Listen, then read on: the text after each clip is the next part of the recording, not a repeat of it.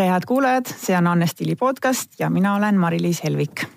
täna on meil külas äh, toitumisnõustaja Erik Orgu ja räägime Eesti inimeste kehalisest vormist, õigest toitumisest ja küsime ka nippe tervislikuma elu jaoks. tere, Erik. tere, Mari-Liis ja tere, kuulajad. sissejuhatuseks äh, väga lihtne küsimus. kui sa kõnnid tänaval ringi, kas sa oled rahul äh, sellega, mida sa näed, kas sa oled rahul äh, Eesti inimeste vormiga? lühike vastus on, et ei ole aga natuke pikem vastus on see, et äh, kus iganes ma ringi käin, ei saa tegelikult rahul olla selle vormiga, mida ma paljude inimeste puhul näen ja siinkohal ei räägi ma ainult ülekaalust, vaid ka tegelikult inimeste näiteks rühist. ja, ja selles suhtes, et ähm, jah et ei saa eestlastele pahaks panna, olgugi et tegelikult uuringud on näidanud, et äh, mõne aasta pärast on kuuskümmend kaks protsenti rahvast ülekilodega kimpus. hetke paari aasta taguse seisuga oli viiskümmend kaks protsenti see. seega, aga ma ütleks äh, kurvastuseks ja rahustuseks, et, äh, et ega mujal, mujal riikides, kus ma käinud olen, see pilt ega need näit, see statistika parem pole mm,. sa oled olnud nüüd äh, oma valdkonnas tegev Eestis ikka aastaid ja aastaid kas selle ajaga on toimunud ka mingisuguseid muudatusi paremuse poole, sest et meil on ju nüüd palju aktiivsem meedia, kes tervislikku eluviisi rohkem promob, su enda tegevus, konkurentide tegevus, kas, kas miski on nende aastatega muutunud ka? ma ütleks, et äh, nii mõndagi on muutunud selles mõttes, et teadlikkus on kohe kindlasti tõusnud äh, paljud äh, avaliku elu tegelased, oleneb vahet pole, kust valdkonnast täpselt, on siis hakanud ähm, näitama oma sportlikku külge ja tulnud siis ka nii-öelda üle, ülekaalulisuse maailmast üle sportlikku maailma. ja üleüldine toon on nagu palju paremaks ja mõistlikumaks läinud. ja viimase aja muudatus, mida ma olen näinud vähemalt, ega ma väga nagu nii-öelda oma valdkonnas tegutsevate teiste inimeste kohta ei, ei oska öelda, aga mis on nagu massiliselt muutunud, on see, et äh, ikkagi nooremad, noh, selles mõttes, et ütleme niimoodi, et seal kuskil kaheksateist kuni kakskümmend viis eluaasta eluaastatest rääkides, siis selliseid inimesi on väga palju lisandunud minu toitumiskava kasutama, see on, see on toimunud viimase, ma ütleks võib-olla maksimaalselt aastaga, vähem isegi, võib-olla mingisuguse noh, kaheksa kuni kuue kuu jooksul ma olen näinud sellist hüpet mm.. ja, ja selle üle on mul väga hea meel, sellepärast et see on tegelikult ju pigem nagu nii-öelda noh mm -hmm. tulevik mm. -hmm. aga samas on ka tulevik on ju see kuuskümmend kaks protsenti, mis on ju ehmatav tegelikult. ja, ja aga see näitab mulle seda, et võib-olla see kuuskümmend kaks protsenti mingil hetkel me puudutame nii-öelda selle, selle numbri ära. aga siis loodetavasti see enam kõrgemaks ei lähe ja hakkab tasapisi kukkuma mm. -hmm.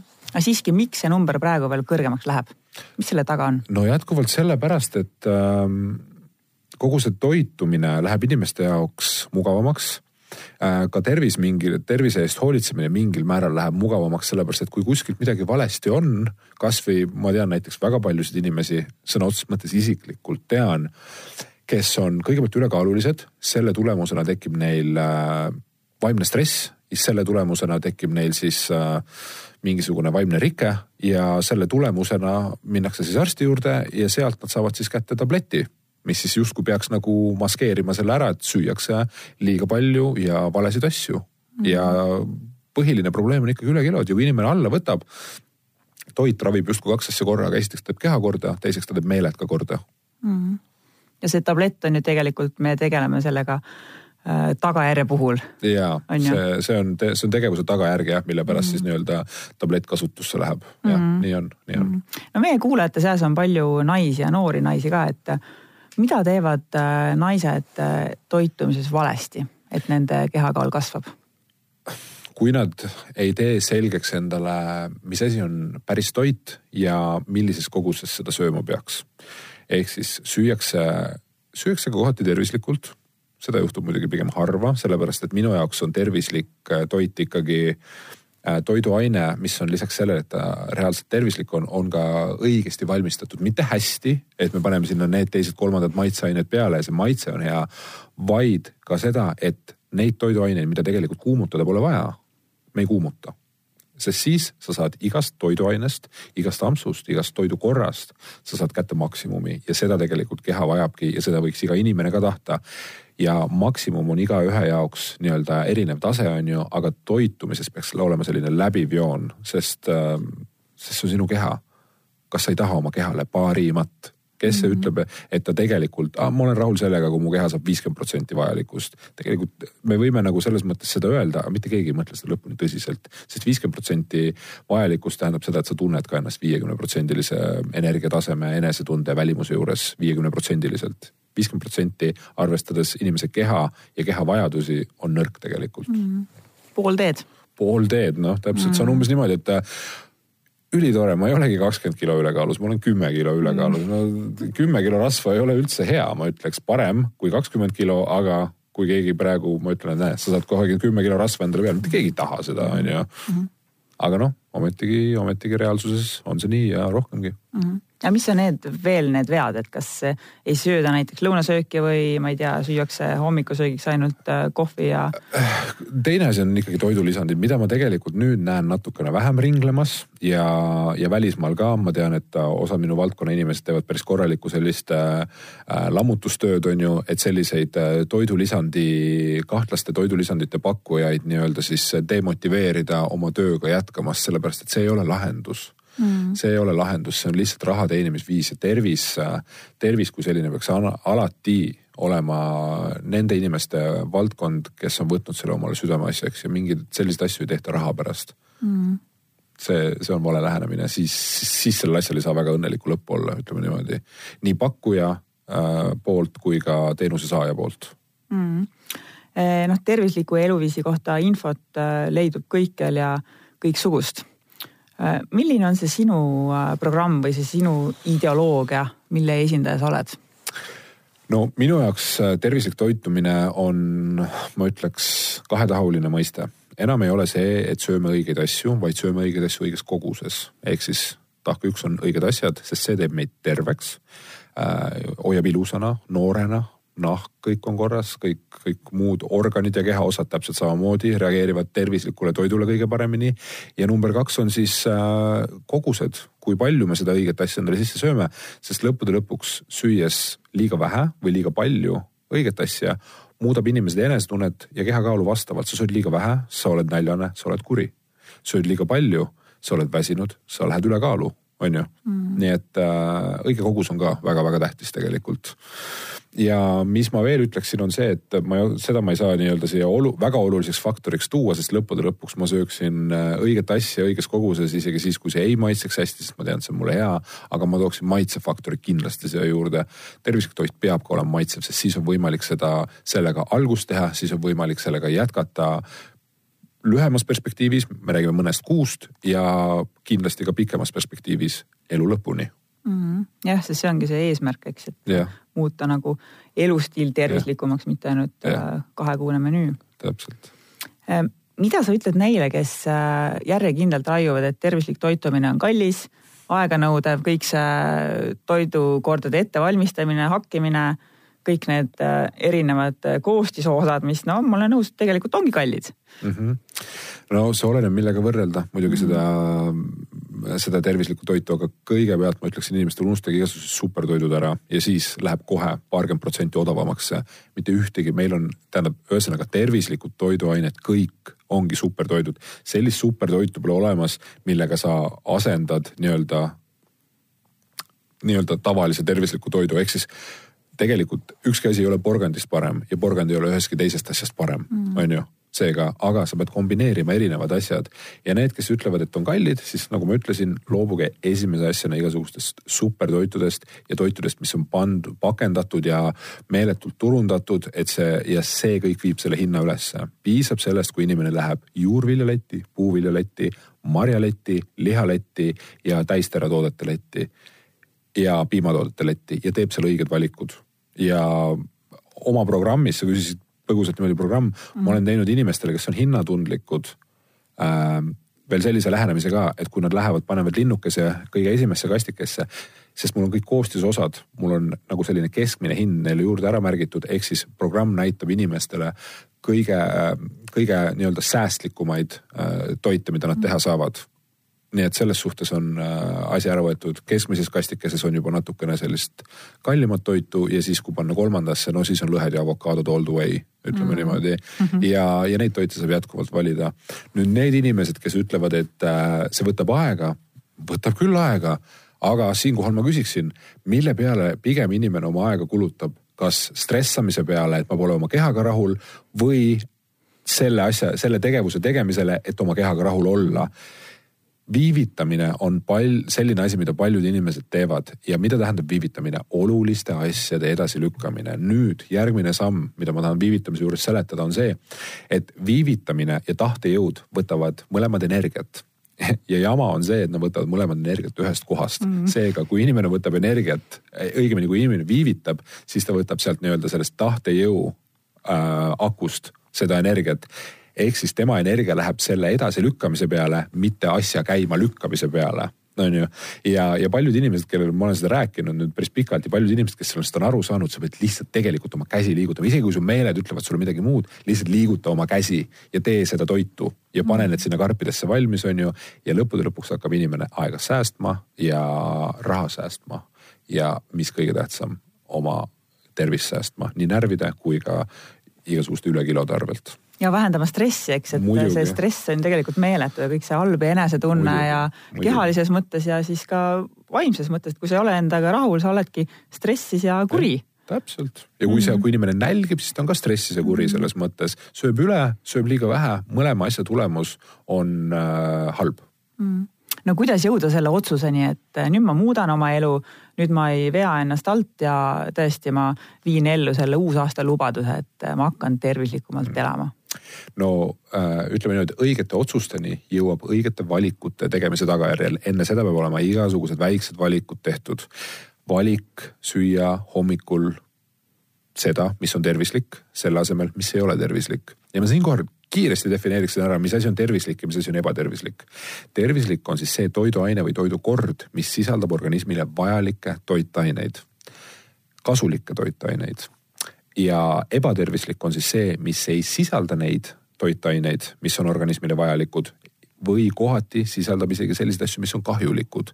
Õnneks neid jääb üha vähemaks ja vähemaks, sest igasuguseid e-vabasid asju tehakse rohkem ja rohkem, mille üle mul on hea meel, aga inimesed peaksid aru saama, et kui nad söövad ebatervislikku toitu, nad justkui ei söögi toitu tegelikult, sest see sisaldab igasugust sellist kraami, mis on kuskil laboris valmis nii-öelda keeletud mm, -hmm. on ju, et tegelikult toit peaks ikka kasvama mm. -hmm. sa oled rääkinud, et äh, suhkur on valge surm ja hästi kahjulik. päris karmid sõnad minu poolt miks ta on valge surm ja miks on, äh, kas see suhkur on siis meile ikka nii kahjulik, kui räägitakse äh,? suhkur sellistes kogustes, nagu seda tarbitakse, on küll väga kahjulik ja sellepärast, et nagu ma just siin lõpetasin sellega, et äh, mis on tervislik ja mis on ebatervislik, siis suhkur kvalifitseerub ebatervisliku alla, sest seal on põhimõtteliselt kaks asja, mille ainult, ehk siis kalorid ja süsivesikud. ehk siis ja toitained seal pole põhimõtteliselt. on küll makro, mis on süsivesik, aga keha ei vaja ainult süsivesikut, keha tahab ikkagi koos süsivesikutega saada vitamiine, mineraale ja ka kiudaineid, miks mitte mm. -hmm. nii et äh, suhkur sellistes kogustes, nagu inimesed seda tarbivad, on küll ja ma ütleks, et äh, paljudele, väga paljudele inimestele saatuslikuks saanud mm.. kui palju suhkrut äh, võib süüa päevas? Oh, tahaks selle küsimusele kuidagi teistmoodi vastata, et võib süüa päevas suhkrut. on tervislik või ohutu süüa? ei, seda, seda ma ei saa kindlasti öelda, sellepärast et äh, iga amps, mis ei ole tervislik, on ebatervislik, on ju. ja ütleme niimoodi, et kui inimesel on mõni päev või mõni toidukord, no ütleme mõnel, mõnedel päevadel mõned toidukorrad ebatervislikud, siis okei okay.. aga näiteks suvalisest ilusast kolmapäevast, neljapäevast, reedest lihtsalt teha üks oma toidukord või siis üks oma amps ebatervislikuks, see on minu arust täiesti nagu selline nagu ajuvaba, miks? Mm. seega ma ei saa isegi siin öelda, aga kui me nüüd räägime ja, ja mis põhjusel inimene seda teeb, kui me räägime sellest, mis on lubatud kogus, on ju miks sa pead sööma valget suhkrut, miks sa ei või mett süüa, miks sa ei või vahtrasiirupit süüa, miks sa ei või süüa näiteks kookospalmisuhkrut, on ju. Mhm. Need kõik on sama kaloraaži, sama süsivesikute sisaldusega, aga lihtsalt ühtedes on toitained sees ja minu arust nad on palju-palju maitsvad. mina olen jõudnud sellesse etappi, kus tegelikult ma selles mõttes vahtrasiirupil ei ole magus maitse, vahtrasiirupil on vahtrasiirupi maitse, meel on mee maitse ja nii edasi. suhkrul on magus maitse. inimesed, ärgem ajage seda segamini muude magus äh,, magusate asjadega, milleks on kasvõi puuviljad. õun on siiski õunamaitsega, ta ei ole magus. kui sa nüüd hakkad lisama vaikselt sinna suhkrut sellele õunale ja lisad ja lisad ja lisad ja kui sa lisad sellise piirini, et seda suhkrut on seal liiga palju, siis sa lõpuks tunned ainult magusat maitset. Ma küsin su käest, mis maitse sellel asjal on? liiga magus, ongi kõik mm -hmm. magus, õunast pole enam haisugi, on ju mm. -hmm. seega, kui keegi tahab suhkrut kasutada, siis täpselt minimaalselt. suhkur on äh, maitse tugevdajate äh, nii osadele soolastele kui ka tegelikult äh, pigem maitsvatele, vabandust, magusatele toitudele, mis siis natuke nagu kergitab seda maitset. aga panna saja grammi kohta nii-öelda keedetud õuna kohta, kui nüüd õunamoosi näiteks teha, panna kuuskümmend grammi suhkrut, no see on täiesti nagu miks on ju, sul on ainult nelikümmend protsenti on seal õuna, ülejäänud on valge suhkur on ju, pole ju mõtet, on ju kui sa tahad õunamoosi teha, siis sa paned sinna ja kui sa tahad seda suhkruga teha, siis sa paned saja grammi kohta üks kuni kaks teelusikatäit, mis on siis circa kuni viisteist grammi. kõik, sellega sa tugevdad õuna maitset mm. ja annad sellele natukene magusust juurde, aga domineerib sul ikkagi õun mm. ja ükstapuha, mida inimene sööb. alustage sellest, võtke oma suhkrukogust poole väiksemaks, kui keegi sööb palju suhkrut ja siis protsentuaalselt hakake vähendama, vähendama ja vaatama ka teiste alternatiivide poole.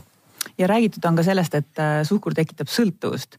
kas sellel on mingi teaduslik põhi ka taga äh,? noh, nii ja naa ma ütleksin, et äh, see ei tekita nüüd sellist sõltuvust, paljud inimesed väidavad seda ja paljud inimesed äh,, äh, isegi on olemas uuringuid, mis nagu ütlevad äh,, milline, milline see efekt siis täpselt on, ajuskänn on tehtud ja nii-öelda, kui inimene suhkrut sööb.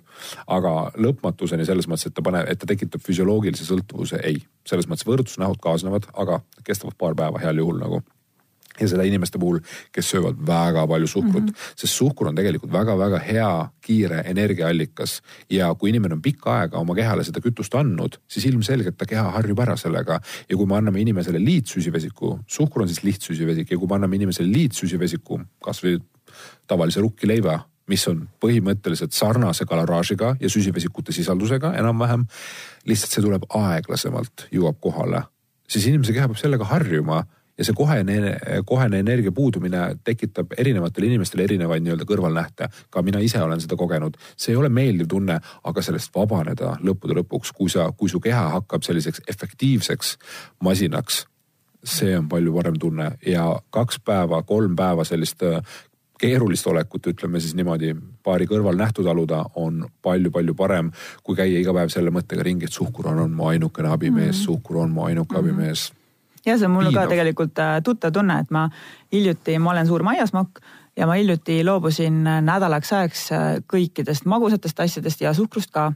ja siis mõtlesin, et vaatan, et mis siis nüüd juhtub, et kas ma olen tõesti sõltuvuses või nagu mis, mis siis mu kehaga toimub ja minu üllatuseks ei juhtunud mitte midagi. juhtus see, et ma hakkasin õhtul mõtlema, et kui ma olin näiteks harjunud õhtut jäätist sööma, et äh, nii, et mis ma siis nüüd teen, et see mhm. maiustamine on nagu mingisugune tegevus mm. -hmm et äh, siis ma mõtlesin, et aa, et ma lähen hoopis õue, ma ei tea, palli mängima, eks mm, -hmm. et mm, -hmm. et, et selline harjumus on ka nagu selle maiustamisega seoses äh,. kindlasti ja, ja selline emotsionaalne side võib ka toiduga tekkida, on ju. et sa nagu see, sul tekib alati ja see võib tekkida ka selle tagajärjel, et kui sa isegi vaatad filmi, oled kellegagi koos, teed mingit tegevust, mida iganes, on ju. ja sa selle juurde liidad selle maiustuse või selle hea asja, mis sulle meeldib süüa, see ei pea alati mhm. maiustus olema, millest inimene sõltuvus olla, see võib olla täiesti mingisugused juustused, nachod ka, kus pole grammigi suhkrut, on ju.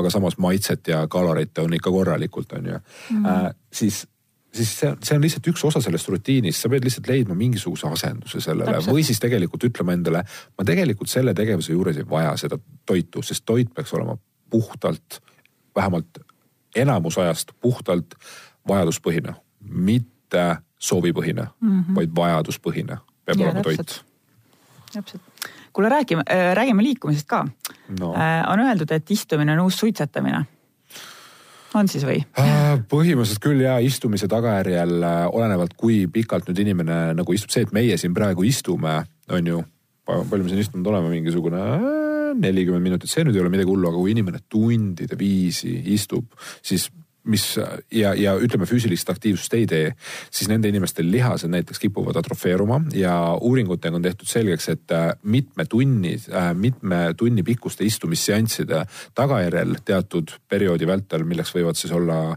teatud päevad või isegi nädalate pikkused perioodid, selle tulemusena hakkavad äh, mitmed nii-öelda mitte nii-öelda, ma ei tea, mis sõna see oli praegu siia vahele, ühesõnaga mitmed hormoonid näiteks, nende hormoonide töö kvaliteet saab olema häiritud ja kvaliteet saab hakkama, hakkab langema, näiteks insulin, on ju.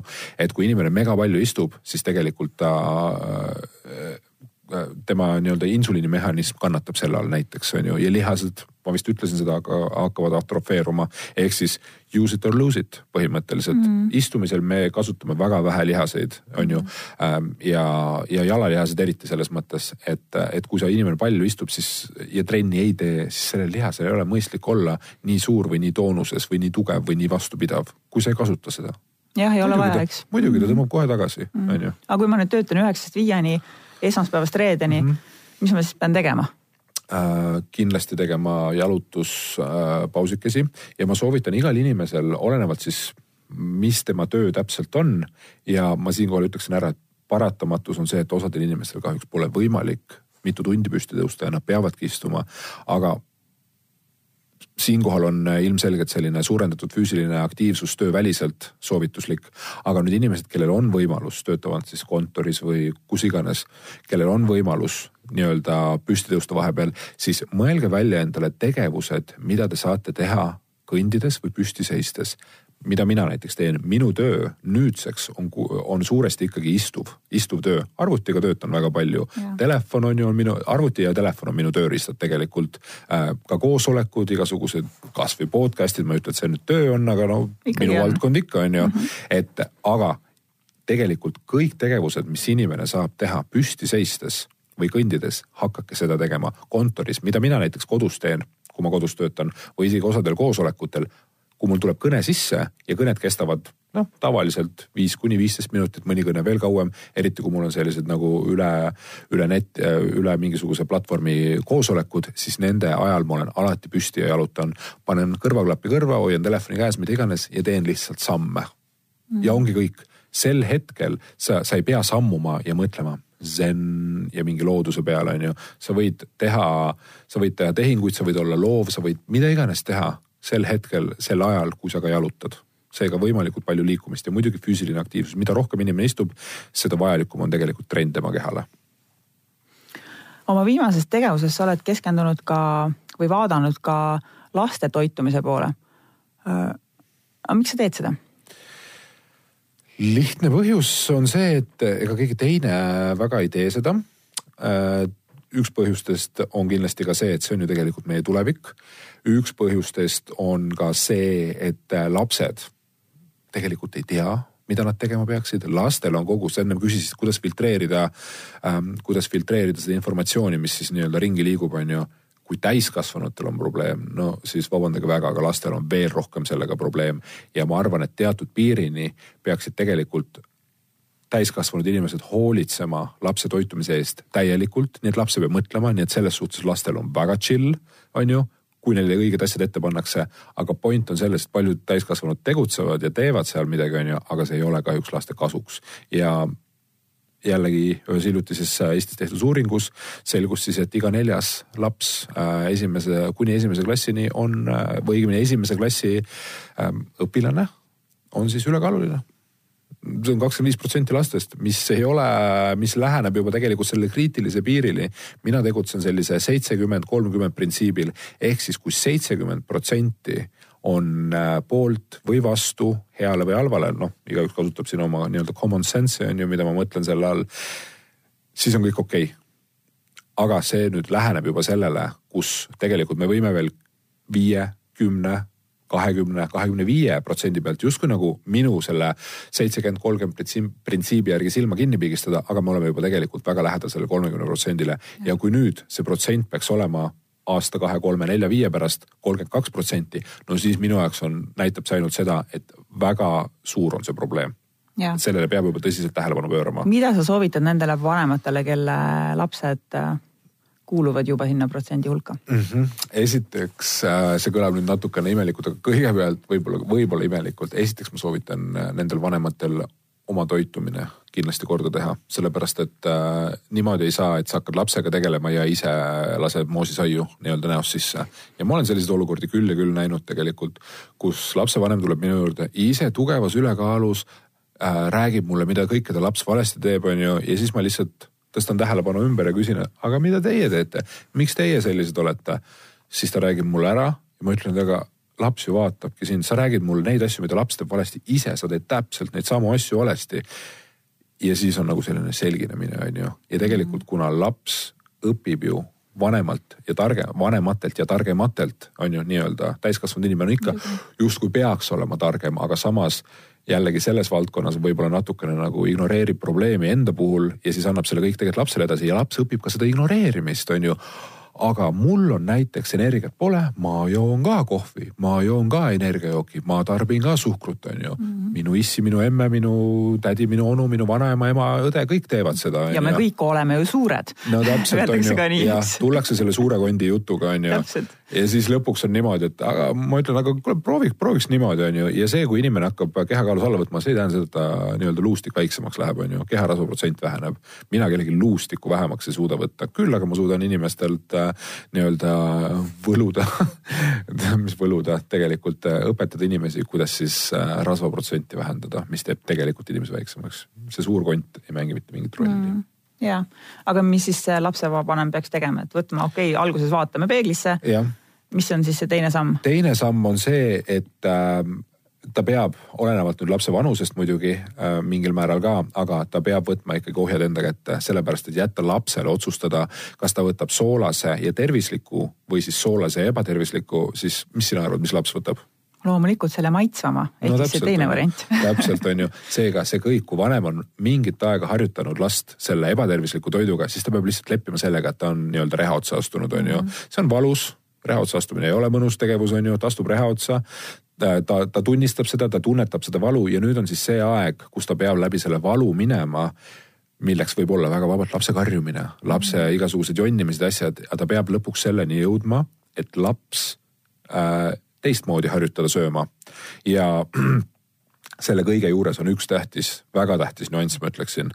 see on see, et toit peab maitsma mm. -hmm. seega vanematel enda maitsemeelte järgi äh, või siis äh, isegi mitte enda, vaid lihtsalt eeldades, et laps võiks või peaks seda sööma peaks kohe kindlasti lapsega ka natukene, mitte natukene, vaid päris palju konsulteerima, mida laps süüa võiks, sest minu toitumiskavas on sõna otseses mõttes pannkookidest kuni pitsadeni erinevad toidud. Ja ma saan äh, lapsevanematelt, tegelikult lastelt ka, kes on öelnud emale-isale, kas te võiksite palun, palun mulle Erik Orgu toitumiskava nii-öelda teha kingituseks? Nagu ka selliseid asju mm -hmm. juhtub päris palju tegelikult saan kinnitust sellele, et tervislik toit läheb väga hästi inimestele peale ja ausalt öeldes veel paremini kui ka rämpstoit, sest lõppude lõpuks on see, et tervislik toit, kui see on tervislik variatsioon pannkoogist, maitseb reaalselt paremini juba sel põhjusel, et keha ütleb sulle, kuule, thanks, see oli tõesti kasulik mulle ja siis su maitsemeeled, sest see hakkab siit pihta, on ju, see sisetunne, vaata, see hakkab seest pihta ja see kõik tuleb ülesse kuni selle hetkeni välja. mitte selles mõttes tuleb ülesse, vaid liigub su nii-öelda pea suunas, kus asuvad siis näiteks maitsemeeled ja maitsemeeled ütlevad, kuule oli jah hea, on ju. ja siis lõppude lõpuks inimene hakkab seda tahtma. see kõlab kõik väga nagu utoopiliselt, aga tegelikult nii see on, inimesed tihti kirjeldavad mulle seda situatsiooni, kuidas nad tunnevad seda head tunnet, see tunne hakkab kõhust pihta mm. -hmm. tegelikult see hakkab kõhust pihta, sest siin paikneb, paikneb ka see hormoon, mis siis reguleerib näljatunnet ja kui see hormoon on chill, rahulik, siis inimene tunneb ennast hästi. lihtne küsimus, kuidas sina ennast paremini tunned, täiskõhuga või tühja kõhuga? loomulikult täiskõhuga. kuidas sina ennast paremini tunned, liiga täiskõhuga või normaalselt täiskõhuga? Äh, pigem vähem täiskõhuga jaa. täpselt, on ju mm, -hmm. ja see kõik hakkab kõhust pihta ja seda mm -hmm. kõike reguleerib see hormoon. kui sul on mm -hmm. liiga palju toitu kõhus, siis see hormoon tuleb sul pähe, ütleb sulle, et kuule, et what the hell nagu, mis tegid noh mm -hmm., mul ei ole praegu üldse hea olla. ja kui sa annad liiga vähe toitu, siis sa tunned seda umbes kakskümmend kuni nelikümmend minutit peale söömist ja ütled what the hell nagu, miks sa nii vähe mulle andsid, on ju. ja kui sa annad täpselt selle õige koguse, mis on tegelikult matemaatiliselt välja arvutatav, siis on kõik korras mm. ja mina lähenengi tea, teaduspõhiselt toitumisele, sest see on kõige kindlam viis mm no ütleme nii, et kõhutunne sai siit nüüd küll teise tähenduse. no täpselt, aga kõhu, kõhus see hakkabki pihta ja grelin on see hormoon on ju ja kõhus see hakkabki pihta ja kõhus on ka need bakterid tegelikult, head ja halvad bakterid, mida paljud inimesed ei tea. ebatervisliku toiduga inimesed toidavad halbasid baktereid, mõlemad bakterid on olemas, lihtsalt oleneb, kes võidule pääsevad, see on nagu hääletamised on ju või millegi kellegi valimised on ju äh,. täpselt samamoodi, kellele nii-öelda äh, hää, kes saab rohkem hääli, see saab rohkem jõudu. ehk siis tervislik toit on need hääled ja mida sa rohkem annad, siis see hea saab justkui nagu võidule, on ju. Mm. see on nii lihtne tegelikult, kõigil on need olemas ja kohe, kui sa hakkad mingit rafineeritud jama endale sisse sööma, valge suhkur, valge jahu äh,, friteeritud äh, transrasvad äh,, kõik sellised asjad kohe hakkavad need halvad võimule tulema ja guess what, siis sa jääd haigeks, sest põletikulised protsessid põhjustavad mitmeid probleeme mitmeid probleeme, mm, tähendab, need mitmete probleemide alged on põletikulised protsessid. ja jällegi siinkohal minu lähenemine on teaduslik, seda on kinnitanud teaduslik uuring minu toitumiskavale mm.. ja see on nagu selline ebatervislik eluviis on selline ring, et kui sa sinna satud, ega ju suht raske on välja saada. ütleme niimoodi, kui sa kogu aeg astud nii-öelda nende äh,, kuidas ma ütlen äh,, nende, ennem rääkisime siin reha otsa astumisest. kui sa pidevalt astud nende rehade otsa, vähemalt sa tegelikult kõnnid ringi, on ju. ja need valed otsused või vabandust, valed valikud äh,, keda, keda inimene kuulab või mida ta täpselt toitub. võib-olla ta ei kuula kedagi, võib-olla ta ise oma intelligentsist langetab mingisuguseid otsuseid, on ju. ja kui ta eksib ta saab sellest nii-öelda tagasisidet, on ju. selles mõttes, ta kaal ei lange, ta on liiga näljane, liiga see teed ja kolmas-neljas on ju, stress on ju äh,. siis lõpuks see inimene jõuab õigesse kohta, mõni inimene jõuab minu juurde, siis ta ütleb mulle, et kuule, ma olen proovinud enam-vähem mingi kakskümmend kava, kakskümmend inimest läbi. päriselt ka nagu ma ei tea, kas ma sind võin usaldada, on ju, ja siis ma nagu seletan talle rahulikult ära, enamasti lihtsalt saadan kodulehele, ütlen palun loe see teaduslik uuring lihtsalt läbi, on ju kõige lihtsam ja siis paljud inimesed on niimoodi, et okei okay,, see on esimene asi tõesti, mis on nagu sõna otseses mõttes teadusliku taustaga. et ei ole midagi nagu kuskilt kokku luuletatud, on ju, et asi on päris. ja siis ongi paari kuu pärast ma või paari nädala pärast ma saan kirja, kuule aitäh. aga ma ütlen veelkord ja paljud inimesed ütlevad, ma teen imesid ja võlus, ei ole midagi, lihtsalt mul on väga hea maitsemeel ja teaduslik lähenemine, kõik mm.. tegelikult ma teen lihtsalt äh, hea toidu teadusliku lähenemisega söödavaks inimesele, kõik. kõlab hästi. aitäh äh,. aitäh sulle tulemast stuudiosse. suur tänu kutsumast. see oli Anne Stiili podcast, kuuleme jälle